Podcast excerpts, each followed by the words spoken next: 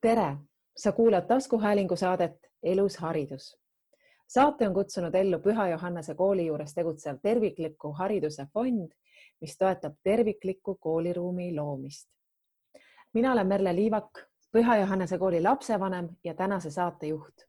seekord olen saatesse kutsunud Püha Johannese kooli lapsevanema, loodusõpetuse õpetaja ja teise kooliastme juhataja Anri Kivili. täna räägime arengust on see siis lapse, lapsevanema või õpetaja kujunemine.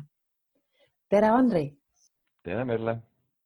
ma tean sind kui õpetajat, aga see ei ole sinu esimene kutsumus. räägi, millega sa varem tegelesid? no enne õpetamist ma õppisin, nii nagu kõik õpetajad ja õppimisega alustasin ma, alustasin ma nagu me kõik, eks üldhariduskoolis, seejärel valisin ma sellise eriala, mis mulle kõige rohkem meeldis. ma läksin õppima Tartusse bioloogiat. ega täpselt, täpselt ei teadnud nagu paljud noored inimesed, et mis siis äh, minu ala on. aga mul oli selline tunne, et see võiks mind kõnetada, et mulle meeldis loodus, mulle meeldis, mulle meeldis vaadata, kuidas asjad äh, kasvavad ja, ja, ja kasvatada neid asju väikest viisi nagu kõik Nõukogude aja lõpus äh, maal elavad inimesed sellise potipõllumajandusega, eks kõigil lastel olid äh, omad kohustused, nii minulgi.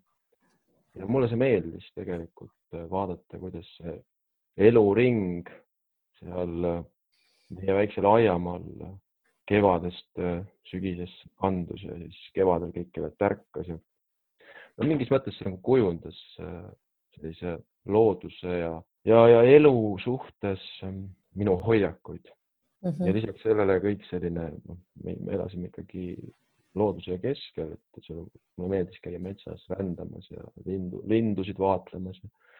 vahel ka mul oli, tuleb tunnistada linnamunade kogu, nii et ähm, see on, see on selline eksperimentaalne ja selline kollektsioneerimise kirg on mind ka natukene saatnud. Mhm. peale seda siis äh, ma õppisin Tartu Ülikoolis äh, bioloogiat, aga ma ei, äh, linnud ja loomad äh, ei olnud see, millega ma tegelesin, ma spetsialiseerusin hoopis viirustele ja peale ülikooli lõpetamist töötasin ma sellel samal alal üsna pikalt. me uurisime seda, kuidas viirused inimeste immuunsüsteemi jälgi jätavad ja ja kuidas me neid jälgi saaksime ära kasutada selleks, et ennustada, kas inimesel on olnud kokkupuude mingisuguse viiruse või mõne teise haigust tekitajaga. põnev aeg oli see, hästi toredad kaaslased olid mul. kui iga etapp saab ühel hetkel läbi, sai seegi läbi ja ma tundsin, et asi hakkab muutuma nagu rutiinseks, mingid asjad, ma olen selline käivitaja tüüp, et mulle meeldib asju alustada ja siis hästi põnev, aga ühel hetkel, kui asjad hakkavad nagu valmis saama, siis äh, noh, kaob ära see põnevus ja selle aja jooksul, kui ma siis äh, tegelesin sellise praktilise poolega, sündis äh, meie perre kaks äh, poissi. üks nendest poistest läheb järgmisel aastal kaheksandasse klassi, teine viiendasse klassi. aga aeg läks siis nii kaugele, et vanem poiss pidi esimesse klassi minema, siis meie perekonna tutt olid siis Püha Johannese kooli loomise juures. ütlesime, et okei okay,, me tahame ka selles osalised olla. ja see vaimustus, mis ma nägin nende õpetajate ilmades ja need lapsed, keda nad seal siis õpetasid, see mingis mõttes mõjutas mind tegema oma elus sellist järgmist pööret. noh, lisaks sellele ma aitasin anda seal mõned sellised loodusringi tunded, see vahetu kogemus, see mõjutas ka väga. igal juhul ma otsustasin, et on aeg proovida midagi uut ja ma liitusin sellise programmiga nagu Noored kooli. oli järgmine etapp minu elus hästi raske ja, ja pingeline ja, ja hästi põnev aeg, kus ma õppisin väga-väga palju. Ja selle järel on minu tee toonud mind äh, sellesse samasse kooli, Püha Johannese kooli, kus ma olen siis üsna mitmes rollis. Ja täidan neid nii hästi, kui oskan, pidevalt eksides ja pidevalt õppides natuke naiivne küsimus võib-olla, aga kuidas sa viroloogina äh, haridusse sisenedes äh, neid protsesse nägid, kas, kas tekkis mingisugune ka selline imestamise koht, et et ahaa, et areng, ma ei tea, lapsel või, või õpetaja ametis olles võib olla mingis mõttes sarnane näiteks viiruse arenguga. praegu on viirused väga kuum teema, nii et ma kohe põimisin selle siia sisse. Ei no inimesed nii üldises mõttes kui ka kui ka väga sellises individuaalses mõttes ei erine nii meeletult palju viirustest. et äh, üks film, üks kultusfilm sellest, ma ei tea, kümmekond aastat vist möödas juba, Matrix mm. -hmm. seal on selline tegelane, kes äh, arvuti poolt loodud ja võrdleb inimkonda kui viirus, viirustega viirus on midagi sellist, mis siis noh, nagu ründab, nagu see meie praegune koroonaviirus, ta ründab inimest, paljuneb ja siis leiab endale uued sellised objektid, enne kui inimese immuunsüsteem siis ta noh, nii-öelda maha surub ja ära hävitab. see on nagu ainult üks tüüp, üks selline võimalik variantidest, strateegiatest. teine võimalus on see, et viirus mitte ei ole selline vallutaja tüüpi, endast maha jätab ainult põletatud maa ja liigub edasi nii kiiresti kui võimalik. teine võimalus on, et strateegia on selles, et, et viirus ähm, eksisteerib sinuga koos, ta on sinuga põhimõtteliselt üks ja meie kõikide kehades on terve hulk viiruseid, mis on meiega kaasas meie surmani ja mille olemasolu me tavaliselt ei pane tähele. et me paneme seda tähele siis, kui me jääme nõrgemaks, kui me jääme haigeks, võib-olla siis nad aktiveeruvad, aga võib-olla ka mitte, et nad lihtsalt on seal aeg-ajalt hästi-hästi harva nad aktiveeruvad, toodavad mõned üksikud viirusosakesed juurde, ka levivad, aga mitte nii efektiivselt. kui ma nüüd võrdleksin nagu inimesi viirustega, siis noh, inimeste hulgas on võib-olla samamoodi, et erinevaid strateegiaid, et kes, kes nagu selline tahab nii-öelda jõuda hästi kiiresti, hästi kaugele ja kõigini, aga teised, kes äh, liiguvad aeglasemalt, kes äh, nii-öelda püüavad kohaneda, olla, tajuda seda ümbrust, reageerida vastavalt ümbrusele, korrigeerida ennast, kui midagi on teistmoodi, et nii-öelda aeglaselt, aga kindlalt. Mm.. kuidas, kuidas sina ise õpetaja ametisse astudes tundsid, kas sina oled nüüd see kiire vallutaja või siis äh, või siis tase ja targu läheneja? ma tundsin ennast täieliku kobakäpana ja tunnen seda aeg-ajalt siiamaani, et see õpetajate ametisse või ükskõik mis ametisse astumine, see on, see on hoopis teistsugune kui see, kui sa ette kujutad, kui sa reaalselt selle situatsiooniga kokku puutud, seda ei ole võimalik nagu päris õppida, isegi kui sa vaatad seda pealt, sa pead seda kogema. Ja sa pead seda kogema üsna pika aja vältel ja sa pead olema üsna tugev, et äh, need äh, valusad kogemused, kui nii võiks öelda, üle elada. sa pead olema üsna järjekindel, sihikindel, et äh, nii-öelda mitte püssi põõsasse heita ja nendest õppida. et mina isiklikult õpetaja ametisse astudes jah, kukkusin sellisesse natuke nagu musta auku, et kuidas ühendada endas pere ja, ja õpingud samalaegselt ja see õpetamine, et see oli üsna keeruline. aga noh, siiamaani ma vaatan seda aega tagasi ja mõtlen, et ega tegelikult selle ilma sellise elukooli ja, ja vitsteta ja, ja sellise pingutamiseta, ma arvan, et see oli nagu vajalik kõik. aga mis tunne on esimest korda klassi ette astuda, mäletad sa seda hetke, kui sa siis saidki selle klassi enda kätte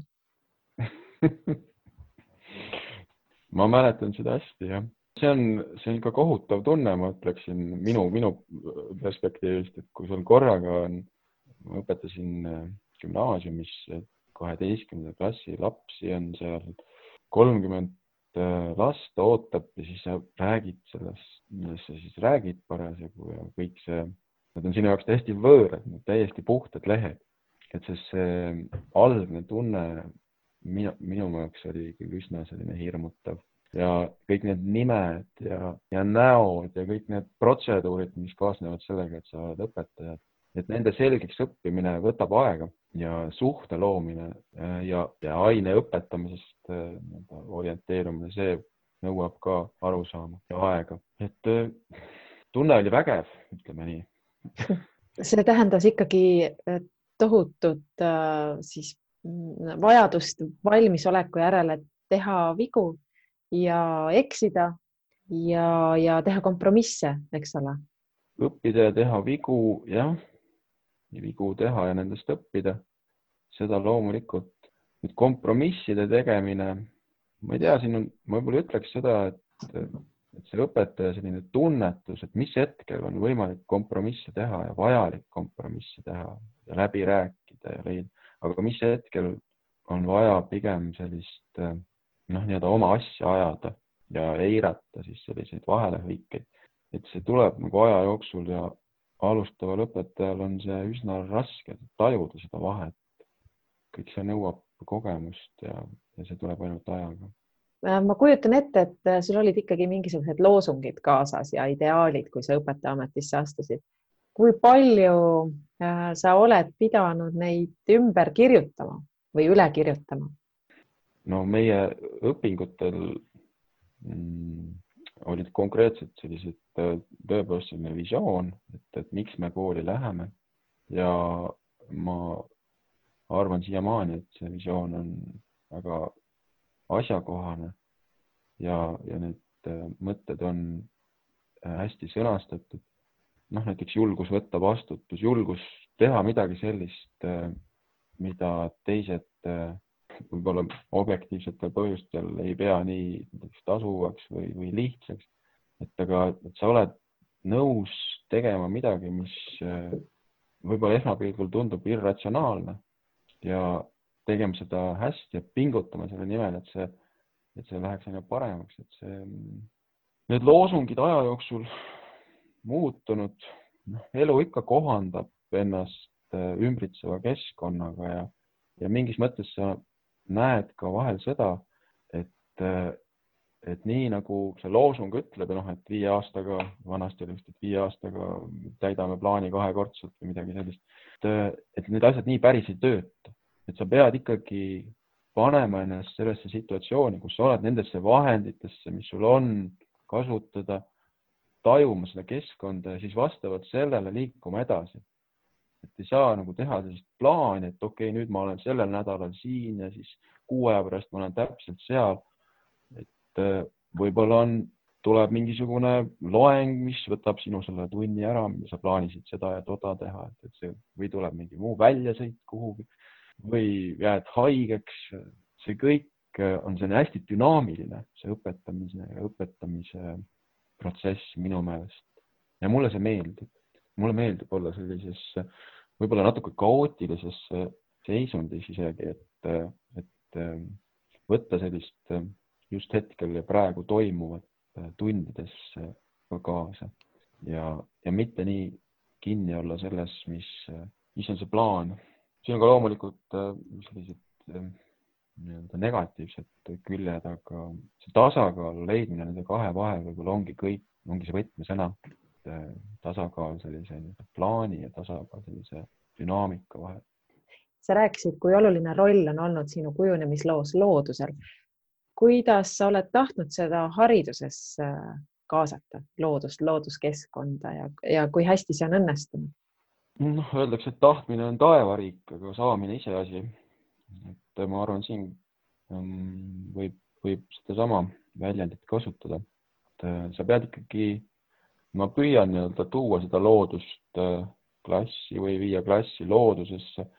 aga siin tuleb arvestada mitte ainult ilmaga, siin tuleb arvestada teiste õpetajatega, siin tuleb arvestada tunni pikkusega, siin tuleb arvestada noh, saja erineva asjaga. selline traditsiooniline neljakümne viie minuti pikkune tund on selleks äh, üsna keeruline formaat, et äh, tuua nagu loodust päriselt klassi või viia klassi päriselt loodusesse. et siin äh, tuleb leida selliseid ähm, teistsuguseid äh, lahendusi, et, et see loodusharidus ähm, päriselt ka lasteni jõuaks, ilma et see kahjustaks seda ülejäänud haridust mm. -hmm. kuidas seda lõimingut eri ainete vahel luua ja kuidas seda aega niimoodi jagada, et hundid on söönud ja lambad terved, et see on huvitav küsimus kas äh, linnakeskkond, kui palju ta annab seda võimalust üldse nii-öelda otse loodusest õppida? et ilma, et peaks päris metsa ära sõitma, et kas, kas Mustamäe paneelmajade vahel annab ka midagi üles noppida? absoluutselt annab, et loodus ümbritseb ju meid isegi linnas igal pool, lihtsalt ta on võib-olla ühetoonilisem mitte nii liigirikas, aga see ei tähenda, et teda ei ole, et jätke mingisugune hoone ilma katuseta seisma kümneks aastaks ja näete, missugune ilus, ilus loodus seal kasvama hakkab. meie kooli ligidal on näiteks Lepistikupark, kus on väga tore tiik, purskkaevuga, üsna suur ja ma mäletan, et eelmisel kevadel siis me tegime sellise toreda projekti, kus me ühendasime fotograafia ja ja, ja ma ei mäleta, mis seal veel olid, lapsed tegid pilte ja siis me koristasime seal prügi ja, ja siis me kummipaadiga, kummipaat oli küll ainult minul, siis ma nagu juhendasin sealt tiigi pealt neid lapsi, kes oma disainitud äh, ja valmis tööõpetustunnis valmis meisterdatud laevasid siis testisid, et selline laevade võidusõit seal tiigi peal. aga noh, sellise asja tegemine, see on niisugune üsna see on ikka mitmetunnine projekt. Õnneks oli ilm ilus ja, ja sellest äh, hetkest on nüüd väga toredaid pilte ja videosid, et ma siiamaani vahel sirvin neid. et see ei tähenda seda, et, et kui sa oled linnas, et siis sul ei ole võimalik äh, loodust äh, nautida. minu jaoks selline üritus oli palju-palju sisukam ja tähenduslikum kui näiteks retk Viru rabasse, kus me siis bussiga sõidame tund aega sinna, siis jalutame seda laudteed mööda nelikümmend viis minutit ühest rabaservast teise bussiga tagasi. et sa pead lihtsalt äh, seda ümbritsevat äh, keskkonda, ressursse loominguliselt ära kasutama ja see on minu meelest õpetaja, noh, vähemalt loodusainete õpetaja puhul lihtsam kui teiste õpetajate, see on selline omadus, mis tuleb ka aja jooksul see on väike, väikest viisi kunst mida me kõik kogu aeg õpime.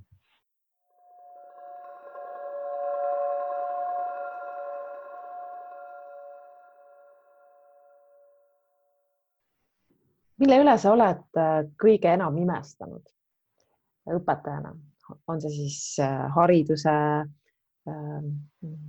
protsesside käik või, või õpilase areng või, või sinu enda kui õpetaja areng? vahel ma ei suuda ära imestada, et millega need viienda poisid nagu hakkama jälle on saanud. kui tühistest asjadest võib kasvada probleemid ja, ja, ja vastupidi, et, et kui ägedaid asju on nad võimelised ikkagi looma ja, ja milline potentsiaal neis peitub. Nüüd imestada võib-olla sellises äh, nagu järgmine tasand sellises nagu kooli perspektiivis, kuidas äh, on võimalik luua selline kultuur, mis, äh, mis meil seal on loodud, et see kogukond ja, ja need õpetajad liita selliseks funktsionaalseks töötavaks tervikuks, no milles on nagu alati ebakõlasid ja, ja kommunikatsiooni võiks ju alati rohkem olla, aga aga ma imestan teatud äh, meie õpetajate sellist äh, professionaalsust või, või läbinägemist või tunnetust, et kuidas nad suudavad äh, ühendada õpetajad omavahel, kuidas nad suudavad klassi valitseda ja, ja juhendada ja, ja, ja mitte selles mõttes niimoodi juhendada, et sa noh, nii-öelda ütled, nüüd on nii, vaid et see sünnib sellises koostöös ja, ja dialoogis, et see alati mind paneb imestada, kui ma vaatan neid äh, prohve et äh, kuidas nad seda teevad. ja hariduse mõttes Eesti laiemalt, et, äh, et ma imestan seda, et me oleme ikkagi oma hariduses nii erinevad ja et, et me oleme nagu mingis mõttes säilitanud sellise ugri-mugriliku sellise omaette olemise, oma näo, oma paljunäolisuse et meil ei ole sellist äh, standardset sellist äh, väljundit, et kõik võiks olema noh, umbes täpselt selline, vaid, vaid on lubatud selline eksimine ja vigade tegemine noh, mingis, mingis äh, vahemikus loomulikult. ma selle koha pealt olen küll väga rõõmus, et ma õpetan Eestis, mitte mõnes teises riigis, kus on väga standardiseeritud ja reglementeeritud õppimise ja õpetamise nõuded. kui, kui oluliseks sa pead üldse vigade tegemist või mulle tundub, et, et need, et see vigade teema käib su jutust päris palju läbi, et kas sa, kas sa hindad vigu? oma hariduses olen ma õppinud seda, et, et vigade tegemine, kui ma nüüd lähen tagasi sinna viiruste maailma korraks, et see on põhimõtteliselt ainus viis, kuidas jõuda oma eesmärgini. et kui sa ei julge vigu teha, kui sa kardad eksida, siis sa mingis mõttes omandad sellise fikseeritud tee ja ja sa jääd, kuidas seda öelda, nagu platoole, et sa liigu ülespoole, et sa oled samal tasandil, sa püüad säilitada staatus quo'd, seda, mis praegu on. aga läbi vigade ja vigadest, vigade õppimise, parem kui sa õpid teiste vigadest, aga ka enda pealt on need, mis kõige rohkem õpetavad, et läbi selle sa tegelikult avad uusi perspektiive ja kui sa võtad noh, mudelviirused on tavaliselt nagu kasutatakse teaduses mudelitena õppimaks siis või saamaks aru keerulisemast süsteemidest. Kui sa võtad nagu viiruse nagu näite, et siis äh, viirus teeb meelega vigasid. paljud viirused teevadki meelega vigasid, äh, kopeerides siis ümber oma DNA-d ja põhjus on selles, et mõned nendest vigadest on selle selle protsessi jaoks, kuidas see viirus paljuneb või kuidas nagu inimene areneb, äärmiselt kasulik. et suur osa nendest vigadest äh, on neutraalsed. ei juhtu midagi, kui see viga mõned nendest on kahjulikud, seal on mingid tagajärjed. aga kui sa nagu üldse vigu ei tee, et siis on tagajärg äh, selles, et, äh, et sa jääd ühesuguseks, et sa ei arene ja minu meelest see on võib-olla kõige kohutavam võimalus üldse, et sa jäädki täpselt samasuguseks, sa põhimõtteliselt ei ela, see, see haridus ei ole elus. Äh, kuigi öeldakse, et viirused ei ole elusad, et, et nad siiski minu meelest, äh, nad eksisteerivad nagu koos elusa loodusega, rakuga, mida nad kasutavad siis paljunemiseks. et nad, see on selline kahekõne tants mingis mõttes, et äh, sa pead arvestama seda, mis sinu ümber on, sa pead seda nii-öelda uut perspektiivi kompama, leidma, avastama oma teed, seda saad sa ainult teha läbi selle, et sa teed vigu. et kasvõi see, et kui sa kirjutad, eks ole, elus haridus, meil on teema, kui sa kirjutad teistpidi selle haridus elus, see on ka viga, eks ole. või sa kirjutad selle kokku, elus haridus või võtad ühe tähe vahelt ära eluharidus või paned paar tähte juurde, eluta haridus. et juba on võimalik nagu hästi-hästi palju selliseid nii-öelda uusi mõtteid, uusi võimalusi luua. ja ma arvan, et kool ongi ju selline mingis mõttes elumudel, et kus sa, kus sa katsetad ja kus ongi lubatud teha vigu ja eksida ja kui sa seal ei katseta, no siis elus need õppetunnid on palju valusamad. et selles mõttes ma arvan, et vigade tegemine ja nendest õppimine koolis ja elus on äärmiselt oluline. Mulle tundub, et see Noored kooli programm, mille kaudu sina õpetajaks jõudsid, et sinna on sisse kirjutatud see ebatäius, et sa ikkagi tuled kõrvalt muult erialalt ja hakkad pihta kuskilt, samal ajal õpid, aga juba praktiseerid ka. nii et see on selline läbi vigade õppimise üks vorme. kas selle läbi on need õpetajad ka mõistvamad õpilaste suhtes, kes teevad vigu? ma, ma arvan, et iga õpetaja, iga õpilane on täiesti unikaalne, äh, me ei saa võtta, et nüüd need, kes tulevad nagu sellest torust, on nagu sellised ja teised, kes tulevad teisest torust, on teistsugused, et see mõistvus ja kes õpetajaks ikkagi jääb, selles peab olema see mõistvus minu meelest, noh, võiks vähemalt olla, ma väga loodan, et et kui sa teed seda nagu raha pärast või sellepärast, et, et noh, midagi muud ei ole teha, et siis see on, see sööb nagu pikapeale hinge seest ära, et sul peab olema see säde ja, ja see tahtmine ja, ja rõõm seda teha, isegi kui see vahel on üsna vastik ja, ja, ja sa nutad äh, suuri kuumi pisaraid äh, õhtuti mm -hmm. oma patja. aga on see sinu arvates oluline, mitte siis äh, nuhelda lapsi nende vigade pärast, nende tehtud vigade pärast? Jah, ma arvan, see on, see on kindlasti oluline nuhelda neid ei, ei tohiks, seda tuleks julgustada. võib-olla siin võiks eristada selliseid vigu, mis on, ma mõtlen selliseid, mida me nagu defineerime nagu veaks, et, et juba pahatahtlik käitumine. Näiteks äh, midagi, mis äh, takistab õppimise protsessi, noh, sellel on omad põhjused loomulikult, aga kui see on nagu konkreetselt sellist gruppi dünaamikat lõhkuv ja hävitav käitumine, et siis et selliseid, äh, need vead, mis tavaliselt, millel on juured kuskil, kuskil üsna, üsna sügaval, et selliseid vigu tuleb ikkagi üsna minu meelest rangelt korrigeerida. Et sa pead äh, ka nagu grupis õppides, töötades nagu tajuma seda piiri, kui, millal sinu selline individuaalsus ja individuaalsuse väljendamine hakkab äh, takistama kogu rühma edasiliikumist. ja õpetaja roll sellisel juhul on, on minu meelest sekkuda ja selliseid vigu tuleks tegelikult siis, tuleks nii-öelda leida see juurpõhjus, et millest see asi tuleb ja sellega tuleks tegeleda et seda ei saa lihtsalt tolereerida ja, ja, ja öelda, et noh, okei okay,, lähme edasi. aga noh, selleni jõudmine on äärmiselt äh, ikkagi sihuke isiklik ja raske töö, et äh, tavaliselt õpetajal ei ole selleks aega. meie koolis on klassijuhatajatel üsna suur roll ähm,. ma ise loodan, mulle väga meeldivad äh, noh, et ühe arenguvestluse vooru ainult pidanud,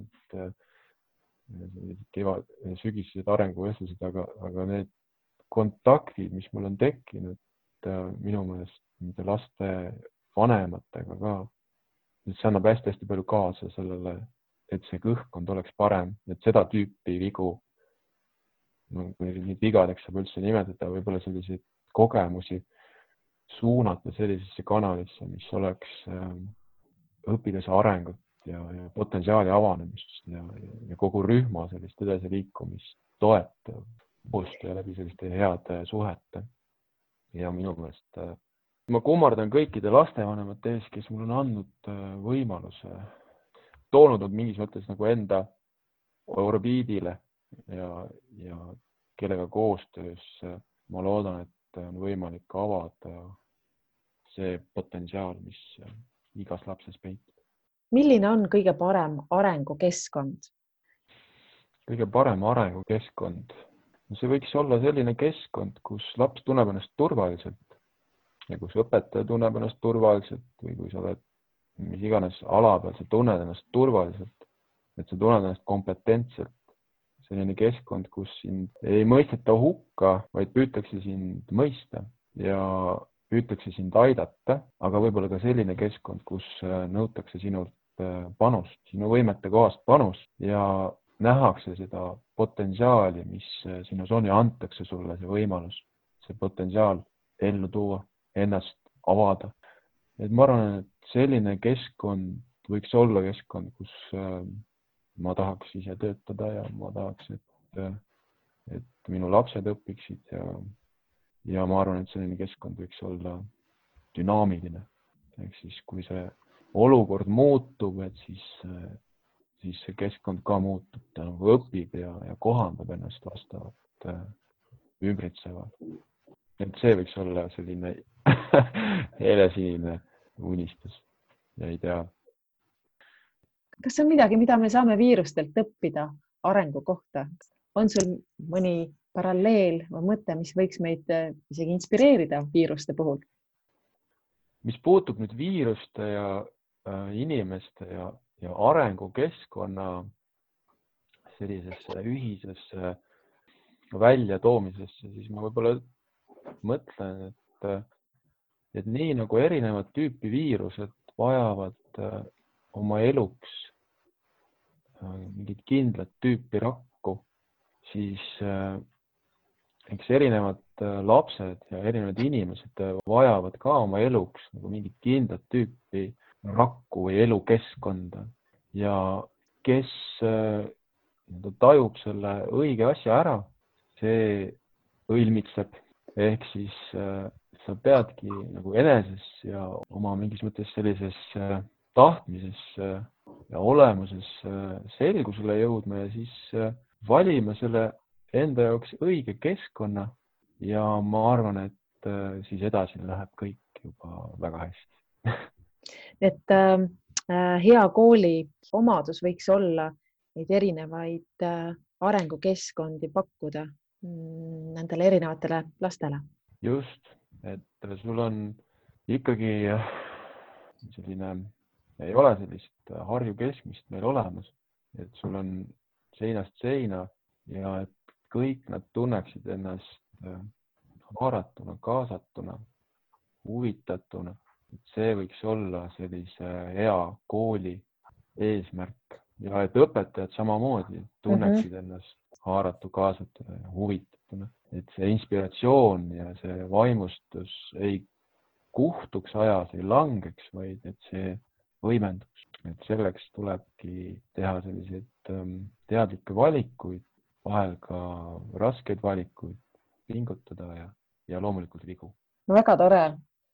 Suur-suur aitäh, Anri, tõesti väga võluvate paralleelide eest viiruste maailmast ja tõesti väga mõnus, vaimselt ergutav vestlus on meil täna olnud. aitäh sulle. aitäh sulle, Merle. ja aitäh ka kuulajatele. see oli taskuhääling Elus haridus. kohtume teiega taas kord pea mul on ka üks ilus üleskutse Püha Johannese kooli lapsevanemate poolt. kutsume sind, hea kuulaja, toetama väikese püsiannetusega elusat haridust ja Püha Johannese kooli uue koolimaja ehitamist Kivimäele. seda saab teha lihtsasti ja nobedasti veebiaadressil anneta.pjk.ee. ka väga väikesel panusel on tegelikult tohutu jõud. suur tänu